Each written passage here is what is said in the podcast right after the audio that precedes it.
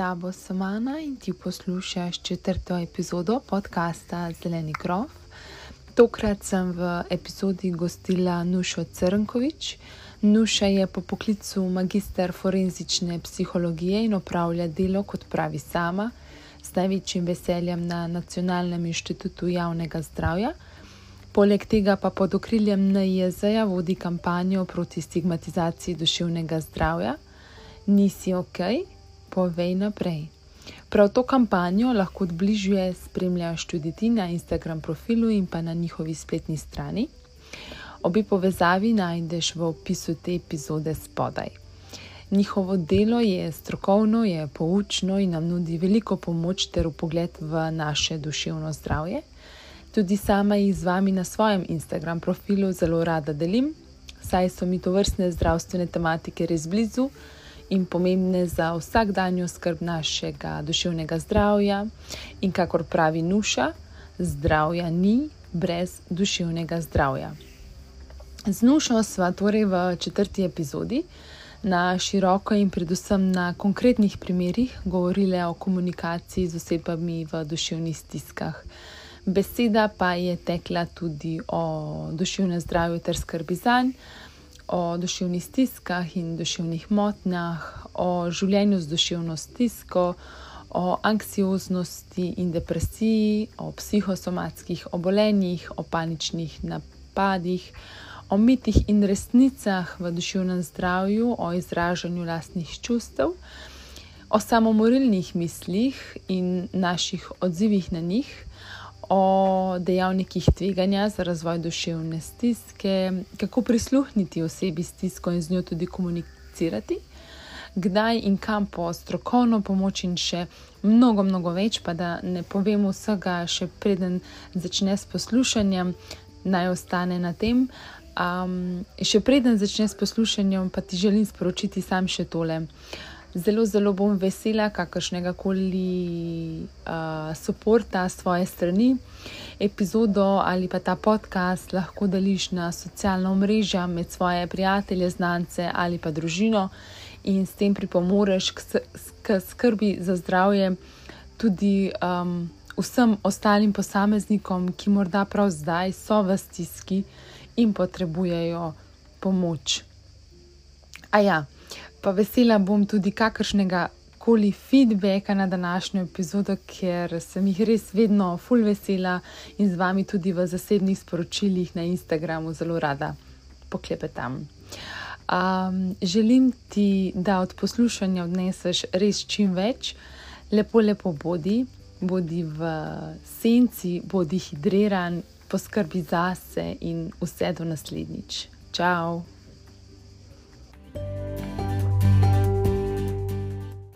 Začelo spet odštevati.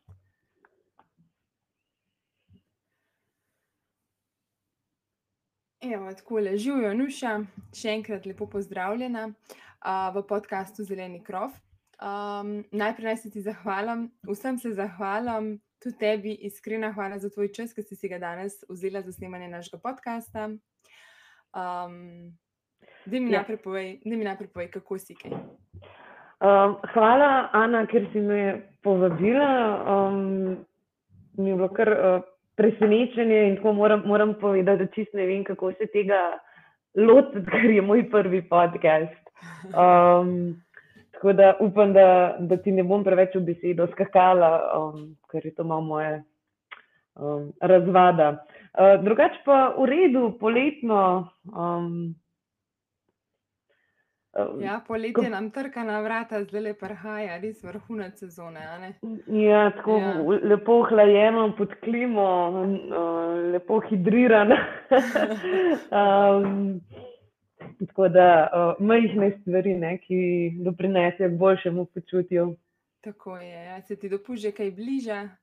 Oh, prav noč. um, to bo bolj uh, julij, avgust. Um, okay. Tako da do takrat je še kar nekaj časa, ampak um, meni je fletan v službi, jaz rada delam to, kar delam, tako da mi tudi ni težko iti v službo.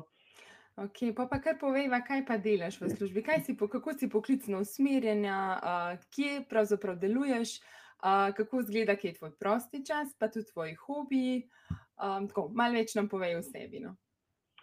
Um, po izobrazbi sem magistra forenzične psihologije, zaposlena na Nacionalnem inštitutu za javno zdravje, oziroma na kratko na NIAZ-ju. Um, trenutno sem pa vodja prve nacionalne kampanje proti stigmatizaciji uh, z naslovom Misijo, kaj pove naprej, ki se izvaja v sklopu projekta uh, Ukrepi za preprečevanje širitve COVID-19 s podarkom na ranljivih skupinah prebivalstva.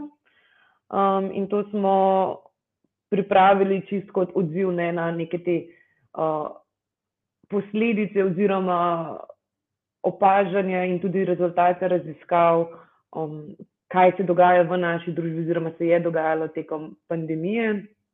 In glede na to, da je stigma neka tista, ki nas pogosto zavre pred tem, da bi šli po pomoč, da bi govorili o tem, oziroma nas je strah, ali pa počakamo že toliko časa, da, da stvar iz neke blažje stiske preuraste prav že v duševno motno, da smo se odločili, da pač to problematiko naslovimo. Zdaj, kaj pa jaz počnem v prostem času, skrbim za svoje duševno zdravje. V prvi vrsti. Včasih bolj uspešno, včasih manj, da, da ne boste mislili, um, da smo vsi psihologi um, uh, pa perfektni in nedotakljivi, daleč od tega, tudi mi smo samo ljudje. Um, drugače pa jaz sem velik ljubitelj živali, tako da veliko sprehodov s psičko, uh, konji, jahanje po naravi, um, druženje s prijatelji, šport, kajtanje. Lepo. Pa tudi knjižni mol, seveda, ne gre brez tega. Dobro, lepo. Um, Dej pa, pa če pridemo kar na našo današnjo tematiko. Um, govorili bomo predvsem o komunikaciji uh, z osebami v stiski. Um, jaz sem tudi zdravstveno, zdravstveno usmerjena, sem diplomirana medicinska sestra, delam tudi v zdravstvenih organizacijah. In se jaz, kot z neko osnovno, izobra, osnovno izobrazbo pri komunikaciji, tudi srečujem s temi stiskami, mogoče že pri pacijentih, pa pri osebi, pa se včasih mogoče v eni zadregi še zmeraj najdem, kljub temu, da sem že nekaj let v, v zdravstvu in imam neke, neka osnovna znanja, pa se mi zdi, da mogoče pri lajkih je pa še tako še hujše, no, pri tem, ko pride do neke um, stiske. Um, pa me zato, po moje, mislim, najprej me zanima, v bistvu, kaj pravzaprav je sploh stiska, kaj je duševna stiska. Uh, jaz bi začela pri tem, kaj je duševno zdravje. Okay.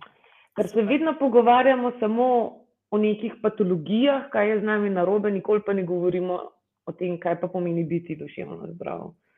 Um, in biti duševno zdrav ni samo neka odsotnost duševne motne, duševne stiske, ampak je tudi um, temu rečemo duševno blagostanje oziroma dobrobit, uh, kjer se pa gre tudi za to, da imaš ti neke ambicije, neke cilje, neko, uh, nek drive, da delaš to, kar delaš, da um, uživaš v svojim pač, aktivnostih, da um, se izpopolnjuješ, da uh, je to nekaj, kar ti je vodilo. Se pravi, da imaš po domač povedan nek, neke cilje, bodi si karierne cilje, bodi si ne vem, ne, za, za neke hobije, bodi si družino.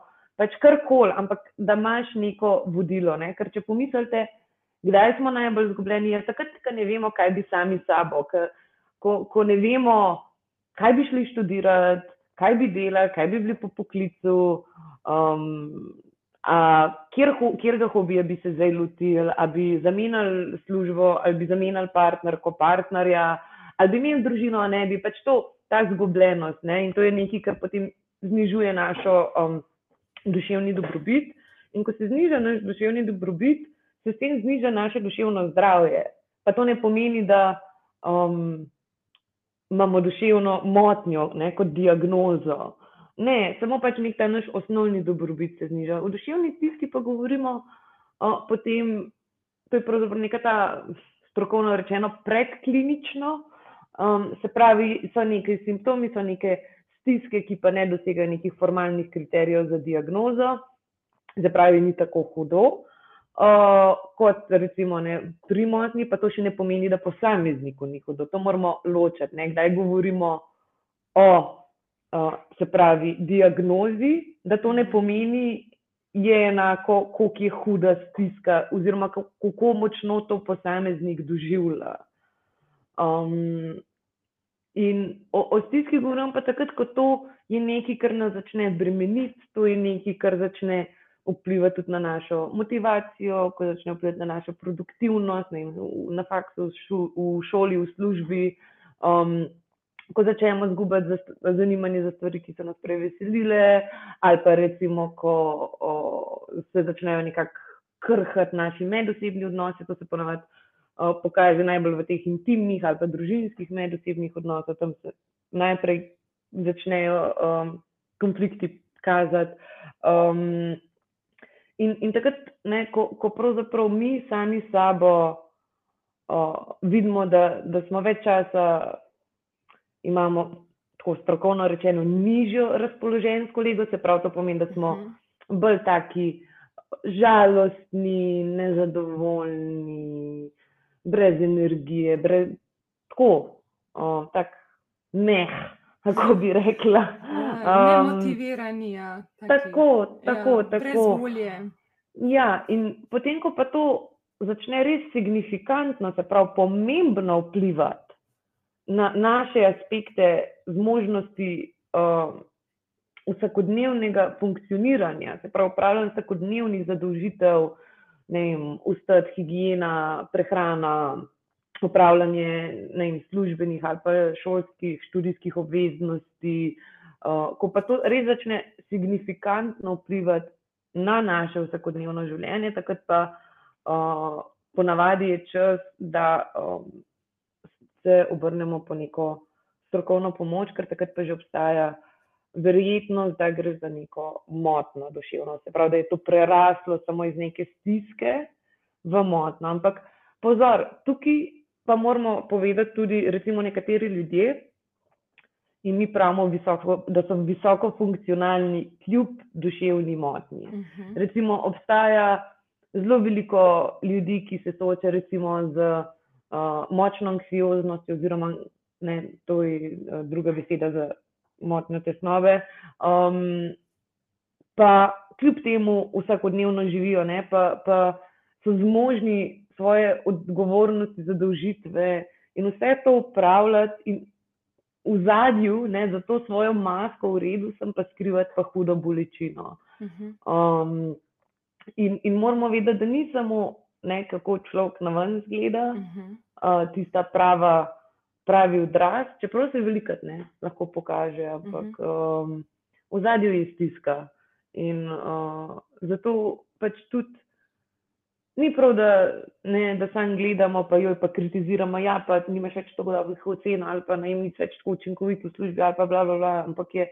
Pač vprašaj, kaj se dogaja, zakaj si to kar naenkrat uskipljiv, zakaj si kar naenkrat ne veš, če si živčen, nestrpen, um, zakaj kar naenkrat več alkohola piješ, zakaj kar naenkrat ne vem, uh mhm. -huh. si začel travo kaditi. Pač kaj, kaj, kaj se dogaja? Um, ja. Ta bližina, ta pogovor. In tukaj potem tudi vidimo, ne, ali je to zdaj neko, um, ko prekla, slabše obdobje, ne, ker življenje je pravzaprav to prehod. Um, Eh, med dobrim in slabim, ne? to je inevitable, pač nič, ne, nič ni konstantnega v življenju. Se pravi, tako kot imaš ful dobro obdobje, ful sreče, pač prej zdaj prija pa nekaj slabega pač in, in to je življenje in to je čist normalni potek. Um, ampak je pa razlika, ko je gre pa za neko um, dejansko stisko, ne? ker potem ljudje se tudi vsak na svoj način soočamo s tem. Nekateri, kot sem ne, prej dala primer, se bojo um, obrnili k nekim različnim vrstam substanc, recimo uh, marihuana, alkohol, uh, cigareti, uh, nekateri pač pomirjevali, se pravi, razni vem, uh, benzodiazepini in podobno. Uh, spet drugi, recimo, se bojo ful več, uh, se bojo bolj ne, um, konstruktivno lotili tega in se bojo ful več vrgali v šport. Um, in šport je recimo ena taka aktivnost, ki blagodejno vpliva na duševno zdravje. Um, spet drugi se bojo pa vase zaprli um, in, in se pravzaprav začeli umikati. Um, iz svojih vsakodnevnih krogov, ker pa potem tudi je pravzaprav recept za to, da se stvar sam še bolj začne poglabljati, neka taka negativna Uh -huh. spirala in oseba samo tone. Mhm. Potem so stiske lahko, v bistvu lahko rečemo, da so del našega vsakdanjega življenja, je pa potem tudi od nas, kako se mi z njimi, um, kako bi rekla, um, kako se mi z njimi, um, kako se mi z njimi ukvarjamo, no, koliko jih tudi mi sami pri sebi prepoznamo, da so to v bistvu stiske, da potem v bistvu ne vodijo še v kakšno um, duševno stanje. Kako, a sem prav razumela? Ja, tako je. Ja. Se pravi, pač statistično dejstvo je, da se vsak od nas enkrat v življenju sreča z duševno stisko. Uh -huh. Um, ampak to ne pomeni, ne, da je to nekaj, uh, kar pomeni, da imaš diagnozo duševne motnje. Pač duševna stiska je ne vem, primer, če ne druga, izgorelost ali pa hujša ne vem, obdobje stresa. In, in to je nekaj človeškega, in to je nekaj popolnoma normalnega. Um, in v tem ni nič narobe, in tudi konec koncev, če pa um, tudi če ima oseba duševno motnjo, če ima diagnozo, to tudi ni nič narobe, to ni nič um, sramotnega, čudnega, Uh -huh. pač to je normalno. Pač tako kot imaš astmo ali pa sladkorno bolezen ali pa ne vem. Artritis ali pa bilo kjero, Ja. ne vem, bolezen, noben te ne bo grdo gledal, pa se vprašal, a te bom zaposlil, a ne, zaradi tega, ker imaš pumpco v žepu, če dobiš slučajno astmatični napad. Ja. Recimo, ne. Ja. Um, in, in isto tako, kot če, če greš pač po gips, ko si zlomiš nogo, greš pač po strokovno pomoč, ko se znajdeš v stiski. Pač to je del tvojega zdravja. Ne? Ja. Ja, ni zdravja brez duševnega zdravja. Tako je. Tako je. Um, kakšne duševne stiske pa poznamo? Uf, veliko. Veliki poznamo. Da se osredotočiti, mogoče tiste najbolj pogoste. No? pogoste. Um, S katerimi se mogoče res vsak dan lahko srečujemo, mogoče kakšni so simptomi, pa znaki še pri njih. No?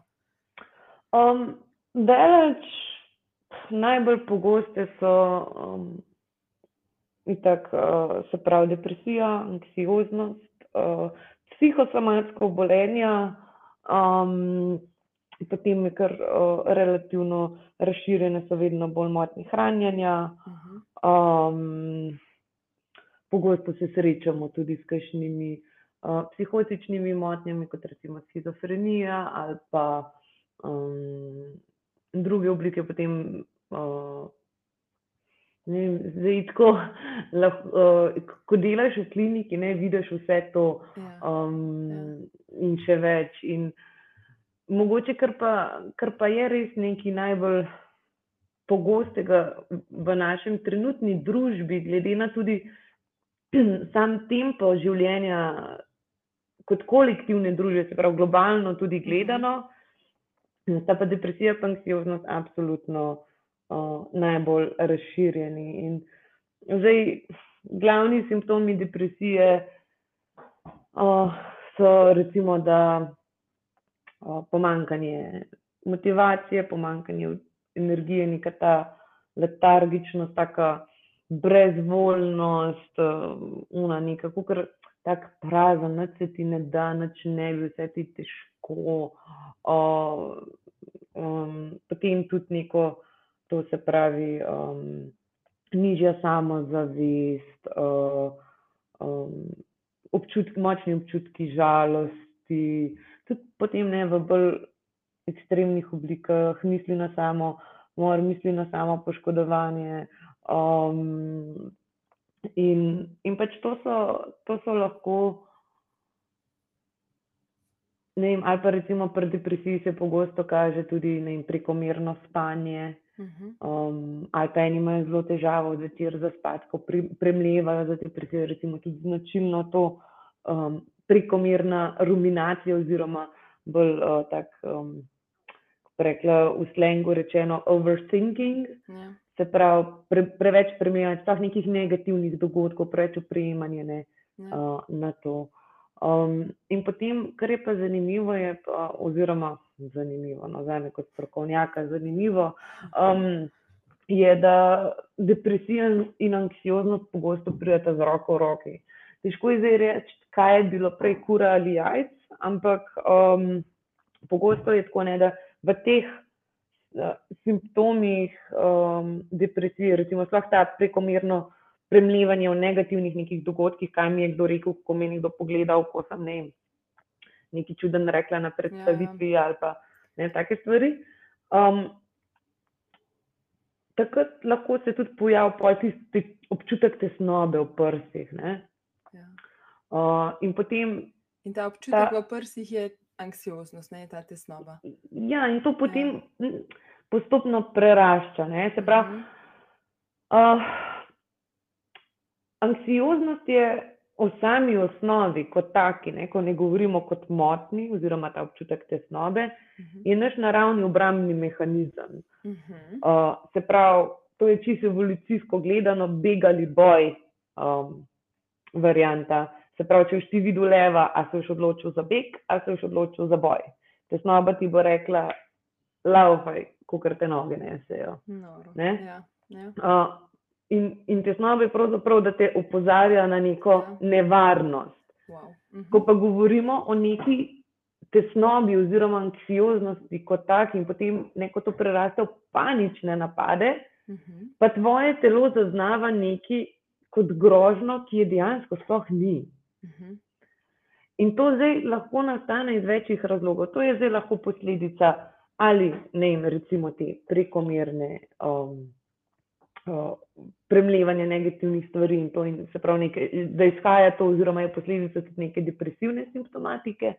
Lahko pa to nastane tudi um, iz tega, da recimo se zgodi neka huda stresna situacija, recimo prometna nesreča, izguba bližnjega, ne, nekaj tako, um, že, že traumatična izkušnja. Lahko pride to tudi preko tega, ker se preveč ženemo, ker smo konstantno na previsokih obratih, se ne ustavimo, ne ustavimo misli, nikoli, skozi smo z mislimi ali pri službi, ali pri um, faksu, ali bilo če nekih obveznostih, in se telo ne spočije. Mhm. In s tem, ko se telo ne spočije, in se naše misli ne spočijajo, se telo ima občutek, da je v nevarnosti, ker je utrujeno. In ne, potem se počasi začnejo um, kopičati ne, ti strahovi, in ja. to In to potem lahko zelo hitro preraste v um, motno. Sploh recimo pri paničnih napadih je sploh ta del, da ljudje sploh v prvo, ko doživijo panični napad, sploh ne vejo, kaj se dogaja, ali bojo zdaj doživeli srčno, srčni infarkt ali kaj se dogaja, ker, ker je to lahko tako intenzivno, da ljudje, ki imajo izkušnjo s paničnimi napadi, pogosto rečejo, da, da imajo občutek, da bojo umrli, čeprav niso v življenjski nevarnosti dejansko. Um, ampak je ta občutek tako uh, intenziven. In recimo ena tak tudi um, znak anksioznosti je, recimo ljudje, uh, ki želijo imeti vse, vse pod kontrolo. Ne? Ker dokler imaš vse pod kontrolo, ne more iti nič ja. narobe. Ja. In, in ko nekaj ni perfektno, ne? ko nekaj ni pod kontrolo, pride ta panika spet. Ne? Ampak spet, to, to so recimo razpoloženjska motnja, kot je depresija in anksiozna motnja, kot so tudi panični ja. napadi. To. to je vse, kar se da zelo lepo rešiti z strokovno pomočjo. Uh, in to je tudi, kar se veliko da narediti ko se to začnejo, te misli pojavljati, prav čist na začetku govorimo. Lahko zelo veliko naredimo tudi s tem, da uh, recimo se obrnemo na bližnjo osebo po pomoč uh, in vprašamo, uh, povemo, zaupamo uh, ne, svoje strahove, svoje občutke, svoje stiske. Ker jaz vam garantiram, da niste edini, ki to doživljate, ki ki imate take izkušnje. Če, če že oseba, oseba sama, ki boste to zaupali, nima te izkušnje, pa pozna nekoga, ki jo ima. Ker to res ni redko in je čas, da začnemo govoriti o sebi, ker s tem, kar zadržujemo, samo tensamo. Um, in potem je pa na drugi strani, ne, ko govorimo o poslušalcih, pa odgovornost na, na nas, ko nam nekdo to zaupa, da tudi konstruktivno se odzovemo. Se pravi, um, da ne preletimo z izjavam, kot recimo, ja, se je sploh ni tako hudo, ali pa da je pej se malo bolj športno aktiven, pa se boš počutil, ali pa bolj pozitivno misel, pa, um, ne, pa bo boljš, ali pa sam globoko diham, pa bo mir. Ne. Pač to so take, ampak prazne, ja. prazne floskule in meni v tistem trenutku, ne, ko, ko, ko sem se počutil, ko sem bila v stiski, da mi je en reče bolj pozitivno misel. Ja. ja Thanks, ker si pa zdaj to ja. izpostavil, dobro, da si kar sama, pa na to nisem pomislila. Kje si bil prej? Znam, um, in, ampak je zelo preprost dejansko. Se jaz verjamem, ne, če, ja. če, ja, da, da, da verjamem, pač, da če um, te noben če, če nisi imel nekega izobraževanja, kako komunicirati, če ne veš, kako ne handlati take um, vsebine, ki ti jih ja. oseba zaupa, da se lahko tudi bojiš, kako odreagirati. Ja. Da nam kaj narobe rekel. Ampak um, stvar je dejansko zelo preprosta. Uh, vse, kar rabimo biti, je to, da smo ljudje. To, da smo sočutni, da smo empatični in da poslušamo, da, besi, da ne skačemo v besede osebi, da ji damo prostor, da se brez strahu, da bo obsojena ali pa ne vem, zasmehovana, izrazi svoje občutke in, in čustva. Um, in da tudi, recimo, če nismo prepričani, kaj ta oseba pač točno želi povedati, lahko vprašamo, brez da mi kar nekih svojih zaključkov delamo. Se pravi, recimo, da, da rečem, ne vem, Ana, sem te prav razumela, um, da ko, ko, ko pa moraš iti v službo, te pa, pa dobiš ta občutek ja. neke tesnobe. Ali pa um, ne, ena, ena stvar, ki tudi lahko naredimo, če res ne vemo, kaj reči, je to, da jih preprosto vprašamo. Pač, kaj si v tem trenutku želiš?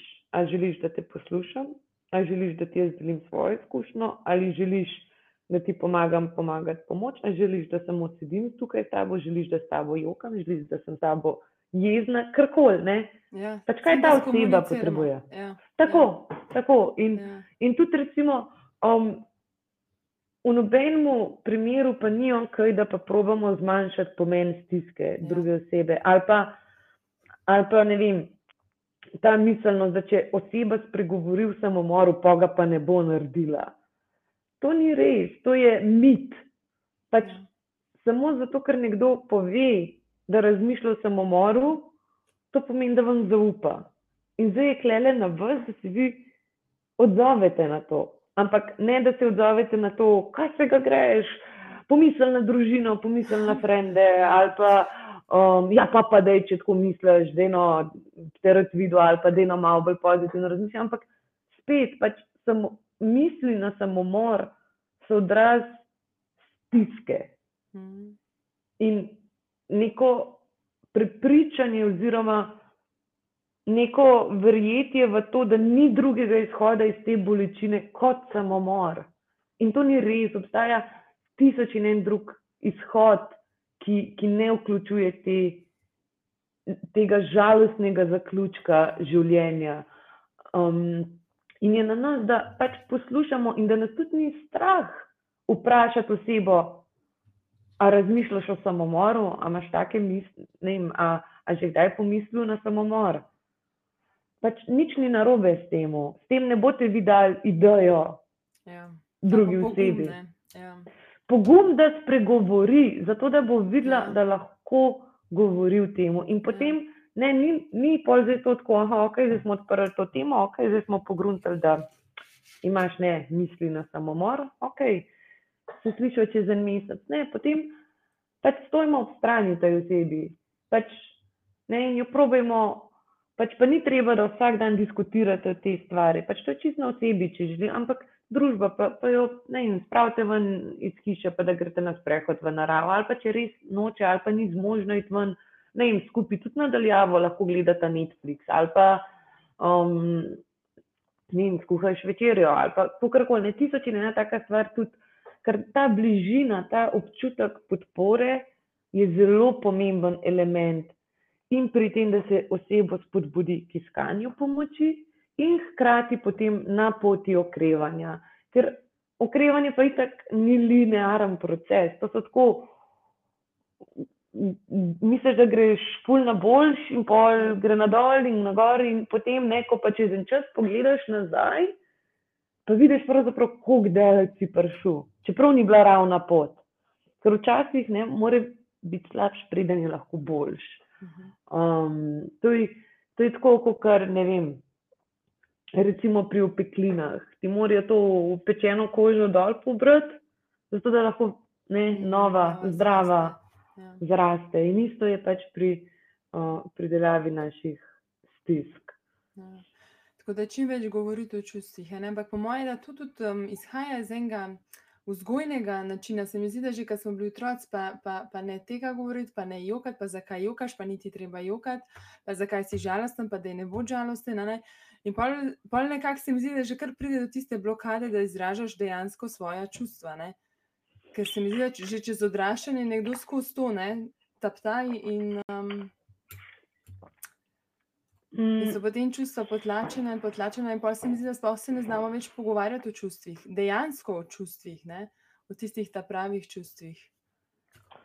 Um, sploh mogoče pri otrocih. No, vem, um. jaz, bi, jaz bi tako rekla, um, ko pač na naš razvoj na to, da mi postanemo to, kar smo, ne odrasli ljudje z neko zgrajeno osebnostno strukturo in z nekimi uh mhm. -huh. osebnostnimi značilnostmi in potezami, temperamentom, nekimi vred, moralnimi vrednotami, načinom čustvovanja, uh, strategijami spopadanja s stresom in tako naprej. In tako uh, to je nekaj, kar se razvija pri nas minimalno do 24. leta, takrat rečemo, da se tudi naš osebnostni razvoj zaključi, nekako ta um, jedrni, ta osnovni, mm -hmm. kako bi rekla. Ne? Ker ljudje se itak, če cel life spreminjamo, ker na nas vpliva toliko različnih stvari. In zato cel življenje rastemo, in z razlogom se tudi reče, da so stari ljudje modri, ker imajo toliko izkušenj in se ja. toliko naučijo. Um, da potem postanejo um, drugače razmišljati, kot bi pa ne pred 10, 15, 30 leti. Um, je pa res, da otroci, sploh preden grejo v vrtec in potem v šolo, se največ učijo od svoje družine. To je res. Ampak. Potem, ko pa pridejo v šolo, mi temu rečemo sekundarna socializacija, se pravi primarno v družini, sekundarna potem v šoli, uh mhm. -huh. so pa tam um, pa pri otroku vedno manj za njegov razvoj, uh, postaja pomembna njegova primarni socialni krok, se pravi družina, in vedno bolj postaja pomembna, se pravi ta sekundarna socializacija, se pravi vrstniki, učitelji, ne, in, um, in ta krok se potem postopoma širi. Uh, um, napredovanjem pač po razredih, šolskih stopnjah in tako naprej. Um, in duševne stiske in to, kako se mi odzivamo na nek stres in vse to, ja, vse lahko rečemo, v osnovi se začne pri starših, ampak naše duševno zdravje in, in tudi potem, kako pride do duševne stiske in, in duševne motne, je pa tako kompleksen proces, da je preveč posplošeno, um, da bi lahko s prsti pokazali na starše ne, na, na tak način. Uh -huh, uh -huh. Ker recimo ti imaš lahko tudi idealno, popolno družino, pa se ravno tako znajdeš v, v duševni stiski ali ne vem. Uh, izgorelost, recimo preobremenjenost na delovnem mestu ali pa na faksu, medvrstniško nasilje, spolno nasilje, um, huda prometna nesreča, recimo, um, bilo kaj. Ja.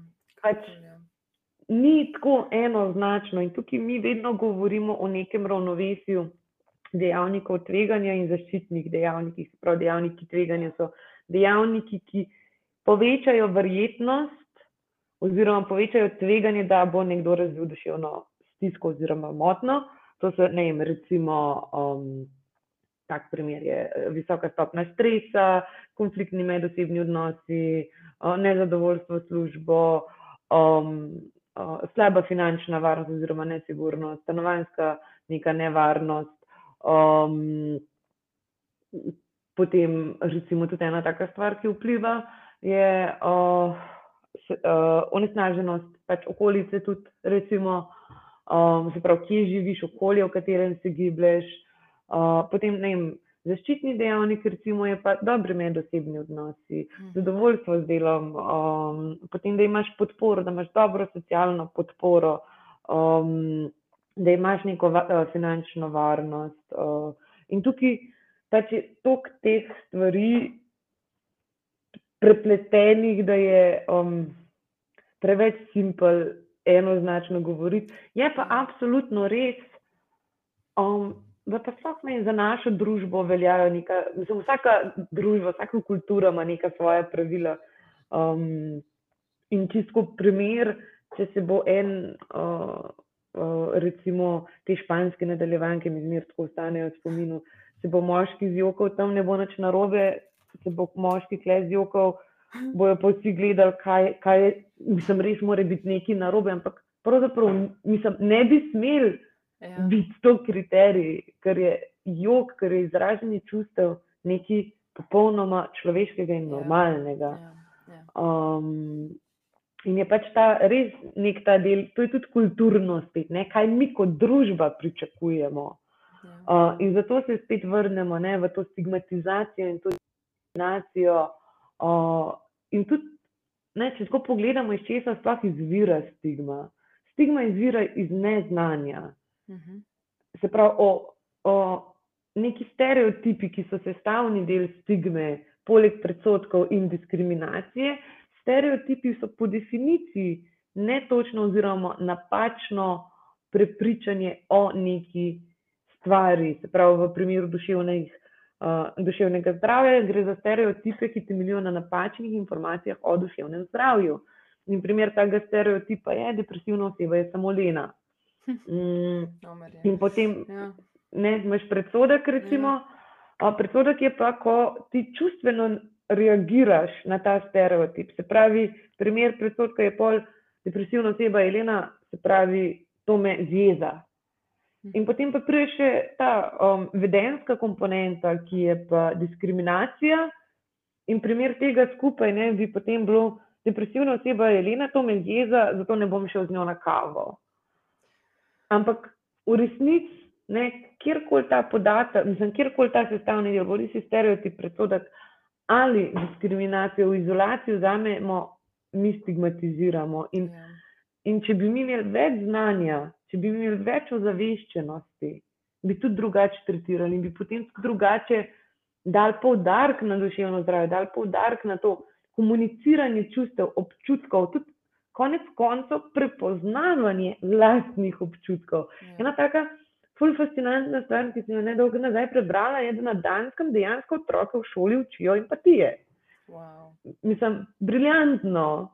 Ja ne, naučijo se prepoznavati s tem in svoje čustva, in čustva drugega, postaviti v kožo drugega, um, in da ni več ti, um, ker tudi zmanjša potem ta individualizem, samo jaz, jaz, jaz, jaz, moje pravice, moje to, moje uno, moje tretje.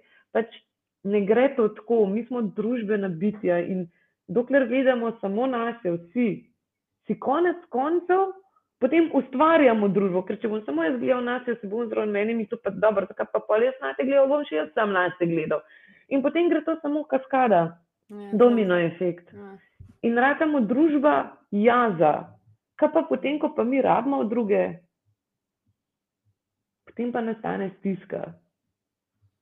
Ja. Okay. Kakšne, um, kakšne tehnike komunikacije se bi pa lahko mi poslušali? Zdaj poznamo dva kanala komuniciranja. Ne? Eno je verbalna, verbalni način, ne? da se z besedami izražamo, in je pa neverbalni, um, neverbalni uh, kanal komuniciranja. Uh, ne vas samo pogovoriti o tem. No? Um, recimo, na primeru, če povemo, um, nekdo se nam je izpovedal, da, da ne vem. Da, um, črne misli, da razmišlja o samomoru, da je žalosten. Kakšne komunikacije, kakšne tehnike komunikacije bi se tukaj posluževala? No, kaj, kaj fajn, mislim, se je tako od situacije verjetno tudi odvisno, ampak um, katere besede bi izbrali, katere besede ne bi izbrali um, in kakšna bi bila tudi naša neverbalna komunikacija? No? Um, načeloma tako. Uh, Jaz osebno, ko mi kdorkoli zaupa svojo stisko, um, poslušam in, in, in samo spodbujam pač neko izpoved, in to je, aha, ok, ko pa to, uh -huh. da se je pa to začel. Pač ne, na tak način, da daš prostor osebi, da pove, kot ti želi povedati. In potem na koncu vprašaš, lahko, kaj želiš. Ali želiš zdaj samo to, da poslušam, ali želiš moj mhm. nasvet, ali želiš moj, vem, mojo izkušnjo slišati, ali želiš, da ti pomagam najti pomoč. Pač so, ker na koncu ni važno, kaj, kaj jaz mislim, da je prav, ali pa kaj jaz mislim, da bi ta oseba v tem trenutku rabila, ampak je bistvo, kaj ta oseba želi, ker je to njena stiska, ne moja čeprav gremo lahko takoj v problem solving mode, zdaj bomo pa vse rešili. Ne, to, to, to je njihovo, to ni naše. Um, in zato tudi, ne, spet poudarjam, to naša odgovornost je predvsem, da prisluhnemo, ja. ne da rešujemo. Pač, ker na konec koncev mi ne moramo pomagati nikomu, ki ne želi naše pomoči. Mi lahko pomagamo samo tistemu, ki jo želi. In če ta oseba želi, da jih mi samo poslušamo, pa ne želi, da mu ne vem, dajemo na svet, pa mi tujemo kakorkoli, in potem pač ne tratimo svoj čas in njihov čas, in da um, dajemo nekaj na svet in kaj bi in kako bi. Ampak poslušamo, vprašamo, kaj, kaj rabijo. Okay. Prisluhniti. Tako. Um, ok, zdaj vam pa ene, um, dva dejstva oziroma mita, ki bi rada, da jih malo pokomentiramo. Uh, um, in sicer na temo duševnega zdravja. Um, prvo je, tega sem tudi na vaši Instagram strani, nisi ok, povej naprej, zasledila, um, na razvoj duševnih bolezni ne moremo vplivati. A je to dejstvo, a je to mit? To je absolutno mit, busted. Um, um, mi pravzaprav lahko zelo veliko naredimo za preventivo, oziroma da zaščitimo svoje duševno zdravje, predtem, da se razvije prav duševna motnja. Um, recimo, ena taka stvar je uh, zdrava prehrana. Čeprav se sliši zelo banalno, uh, zdrava prehrana je dejansko zelo pomemben del pri ohranjanju našega duševnega zdravja. In čišče dan primer za vse tiste, ki mislite, da so to prazne besede. Neuroznanstveniki so dokazali, da mikrobi v našem tankem črvesju vplivajo na stopnjo o, depresivnega razpoloženja in obratno. In tudi dokazali so, da naš slabši imunski sistem vpliva na um, bolj pogosto depresivno stanje in obratno, se pravi, da smo mi bolj depresivno razpoloženske lige, je večja verjetnost, da nam bo imunski sistem padel. Zato takrat tudi ponavadi hitro zbolimo, pa se prehladimo, pa smo taki vsi ja. kisli. Um, tako da to absolutno ni res. Potem ena stvar, ki jo lahko naredimo, je hidracija. Ker smo žejni, ko smo dehidrirani, se tudi pač naše duševno blagostanje opade. Um, telesno gibanje je zelo pomemben del. Zdaj tukaj ne govorim heavy lifting, maratoni, ne vem, kakšni gorski triatloni, ne vem, ampak govorim o telesni aktivnosti. To je že dovolj, recimo, če gremo, ne vem, peš eno postajo, prej dol z avtobusa in peš do, do našega cilja, pa s kolesom v center nam iz avtobusa ali pa. Ne, take so že, že hišna upravila, ki okoli mi gledamo in migamo. Že to je neki, ne? ni to zdaj treba uno šport, šport, ja. fitness, kot družbena mreža prikazujejo. In še ena stvar, ki je izredno pomembna, je spalna higiena. Mi temu rečemo, se pravi, neka urejena, urejen spalni ritem, da gremo vsak dan ob približno isti uri spat in probamo poskrbeti, da spimo vsaj med nekih 6, 7 do 8, 9 ur na noč, uh, da um, s tem si lahko pomagamo, da recimo nimamo digitalnih naprav s sabo, da uh, ne jemo postli, da ni to naš movie theater, uh, da ni to se pravi neka kinodvorana, da, um, ampak da je posla res prostor za spanje, tudi za učenje ne pride v poštev, ali pa za delo, kar koli se pravi spanje, spolni odnosi, to je postelje, ostalo pa preselite na kavč, na tla, za mizo, kakorkoli. Um, Posebej bo pa res to, ker potem bo vaše telo s tem to pogojevalo in avtomatsko bo postalo zaspano, da boste vlegli v posteljo.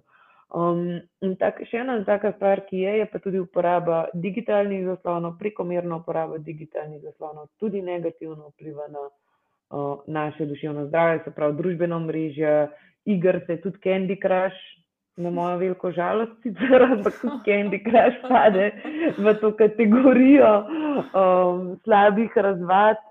Um, ampak zdaj, tako disclaimer, tudi če igraš recimo neko tako igro, kot je Candy Crush, ne pomeni, da boš avtomatsko imel duševno stisko. Pač vedno za duševno stisko pride skupek stvari.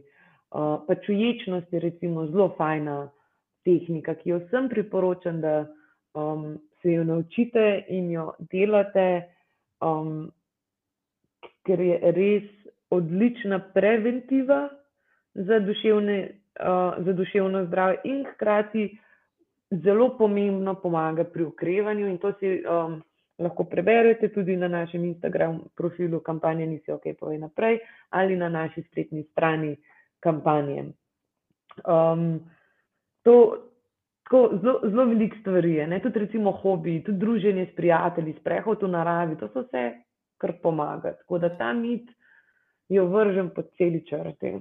Tako da imamo res velik vpliv na naše duševno zdravje. Ja. Tudi, eh, tudi, če gledamo fizično zdravje, je zelo povezano z duševnim zdravjem. Ne? Tako, tako ja. to, to smo govorili prej, uh, sem malo odplavala, ne, o psihosomatsko obolenje, kako so pogoste. Uh, pravzaprav psihosomatsko obolenje pomeni, da tvoje telo, se pravi, tvoja stiska se na ven odraža v, fizični, uh, v fizičnem, težave s fizičnim zdravjem. Se pravi, Primer ene take najbolj pogosti so recimo bolečino hrbtu, vratu, ramenske mhm. te predelu, um, potem recimo kakšni ti uh, dermatitisi so tak primer, uh -huh. uh, potem bolečine v sklepih, uh, trebušne bolečine, glavoboli, težave s prebavo.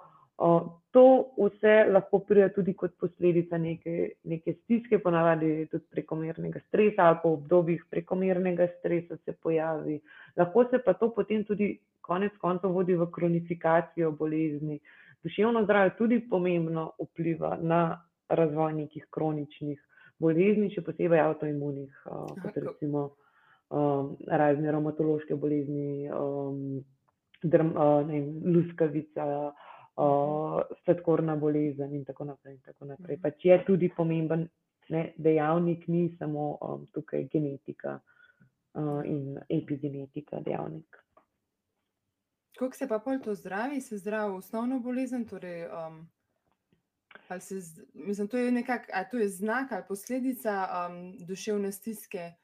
Um, Zdaj, če govorimo ne preč, prijem gremo na res ekstremni primer, ki so redki, da ne bom poslušalce zdaj um, ja. zastrašila. Uh, tukaj moramo zdraviti oboje, ker če ti zdaj zdraviš samo neko fizično, uh, fizično težavo, recimo, ne vem, uh, um, nek dermatitis, ne z neko mhm. kremco to ne bo nič pomagalo, ker naslednjič, ko boš spet high stress, pressure ali pa neki, ti bo spet ven osekal. Um, zato je pa pač pomembno, da zdravimo tudi naš vzrok, ker da samo flajšter gor popamo, ja. rešimo pa nič. Um, in če želimo to res rešiti, se moramo vprašati, pač, oziroma reči Bobu Bob in, in iti po pomoč in rešiti, in konec koncev s tem bomo sebi zvišali kakovost življenja. Ja. Okay. Um, še eno dejstvo ali mit. Sicer ste si ga že pokomentirali, pa vseeno se mi zdi, da jaz, jaz ga tudi v službi slišim od sodelavk. No? um, tisti, ki govori o samomoru, ga nikoli ne bo izvedel. No, meni se to zdi še zmeraj, mislim. Slišim kot sodelavk, no, pa, so, pa so zdravstvene delavke, no, zdaj pa povej. No. Ja, ne, je to mit. To, ja. to je absoluten mit, kot je dolg in širok, to mit. Um, in meni, mislim, mi, mi ni jasno, kako na podlagi česa se je prišlo do zaključka, da tako to govori, tega ne bo naredil. Pač, zakaj ljudje to predpostavljajo, ampak sploh gledam to, pač, da samomor ni nekaj, kar bi se zelo redko v Sloveniji zgodilo. Sicer je res, da je z leti manj pogost postal, uh mhm. -huh. kar je super, um, ampak še vedno pa ni to neki izoliran pojav enkrat, dvakrat na leto pri nas. Um, in pač oseba, ko spregovori ne, o tem, da razmišlja o samomoru, da, da ima to misel, to je klic na pomoč. Uh mhm. -huh.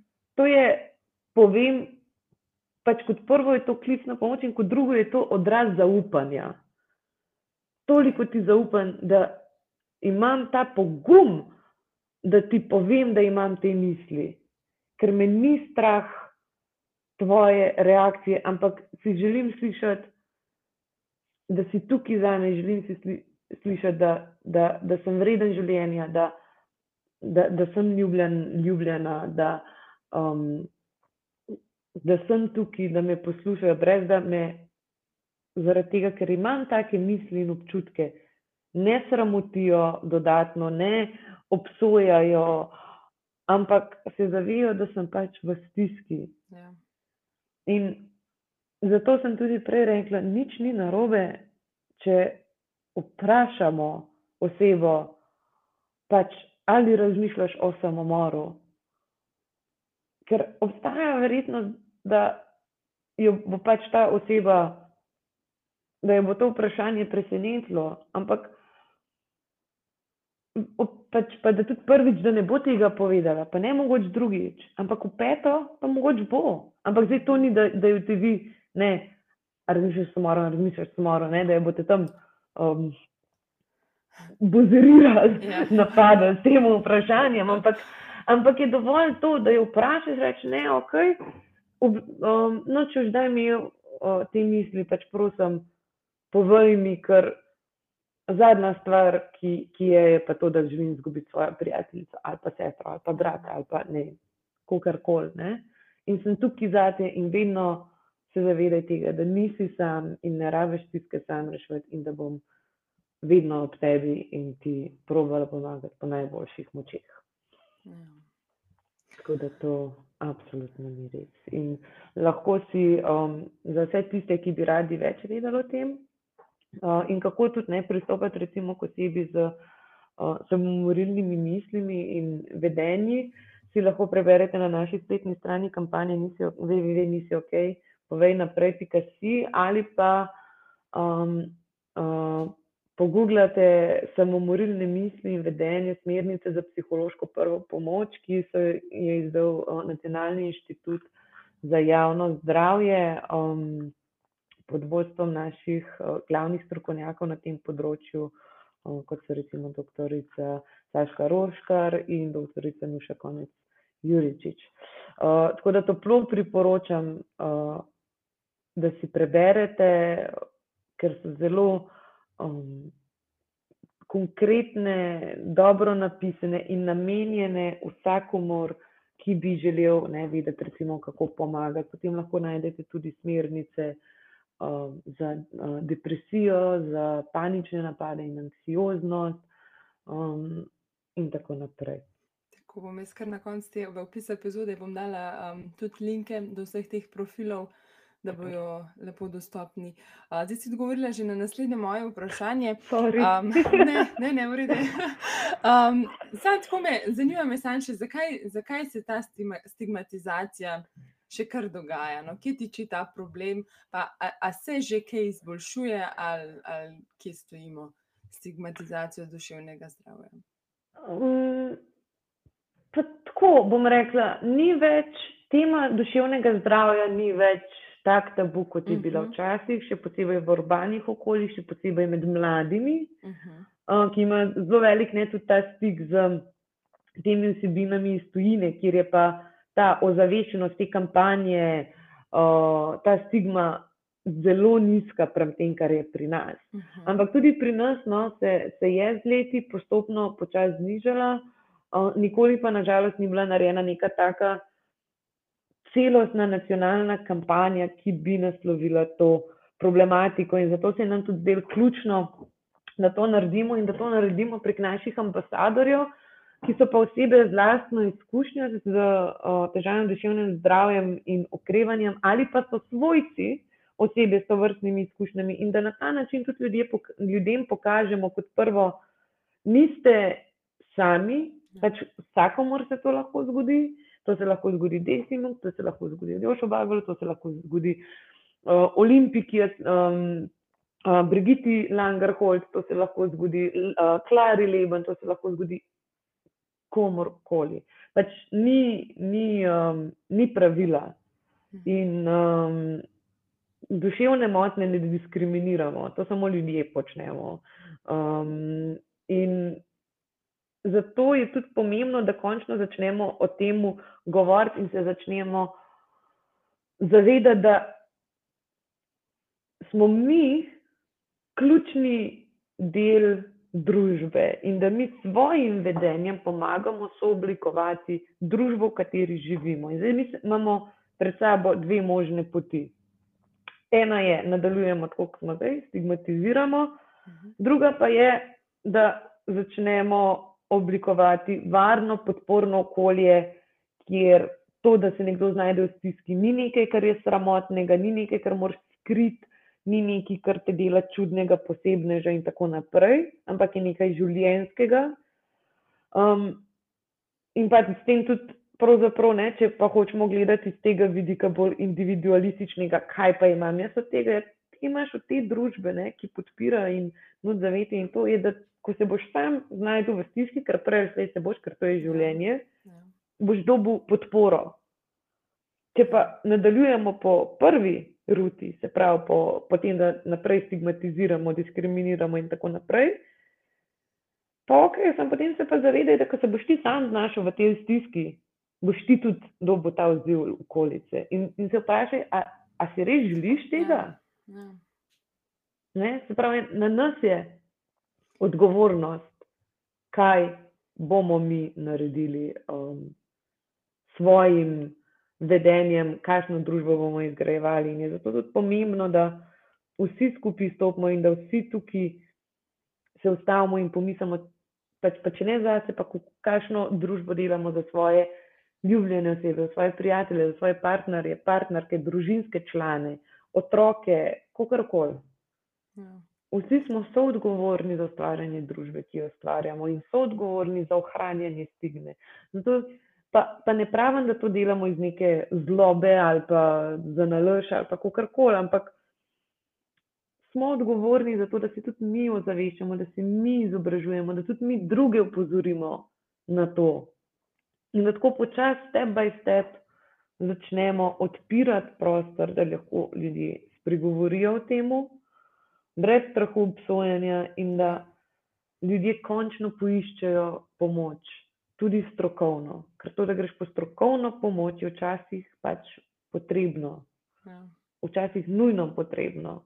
In zato tudi je tam ta pomoč. In ja, to, kar, ja. kar bo šel, ne vem oseba z astmatičnim napadom, če ne bi imel pač zdravila pri sebi, ki ga bo rabo, bo šel na urgenco. Ja. Tako, pač, če se znajdeš v hudi duševni stiski, greš tudi po pomoč in je ja. glih isto. Ja. Koga, če te zoboli, greš zobarju, ne? Recimo, ni, ja. ni druge, ne, ja, greš zobarju. Tako, ja, tako, ko imaš stisko, se ne počutiš kul, cool, greš pač ja. po pomoč, ne? Točno to. Um, pač sploh zobar je ne dobro, če damo prispodobo zobarja. Ne? Se ga in kaj ti izogibaš, ja. res ni nujno. zobar, ja. ja, ampak, ampak, ampak ki je pa nujno, pa greš. Pa pač in nisi ja. prstiski. Ja. In pa s tem ni nič narobe. Ja. In, in hvala Bogu, da greš. In, in tiska pa misli, da je pa s tabo nekaj narobe, da, da si šibak ali pa da tvoje vem, težave so manj pomembne kot vem, enega drugega, to pač ni, ni problem v tebi, ampak je problem v tvojem sogovorniku. Tako da Ja. zamenjaj sogovornika, pa um, bo tudi včasih ne, druga perspektiva Ja. prišla. Ja, res je. Tako, Nuša, mi smo prišli do konca najnega pogovora. Um, bi želela mogoče našim poslušalcem sporočiti še karkoli? Mm, jaz sem to govorila. um, jaz bi rekla, da imeti, imeti stisko ni nekaj, kar te definira, imeti duševno motnjo ni nekaj, kar te definira. To je samo en delček v muziku, ki te dela lepo celoto, kakršna ali kakršen si.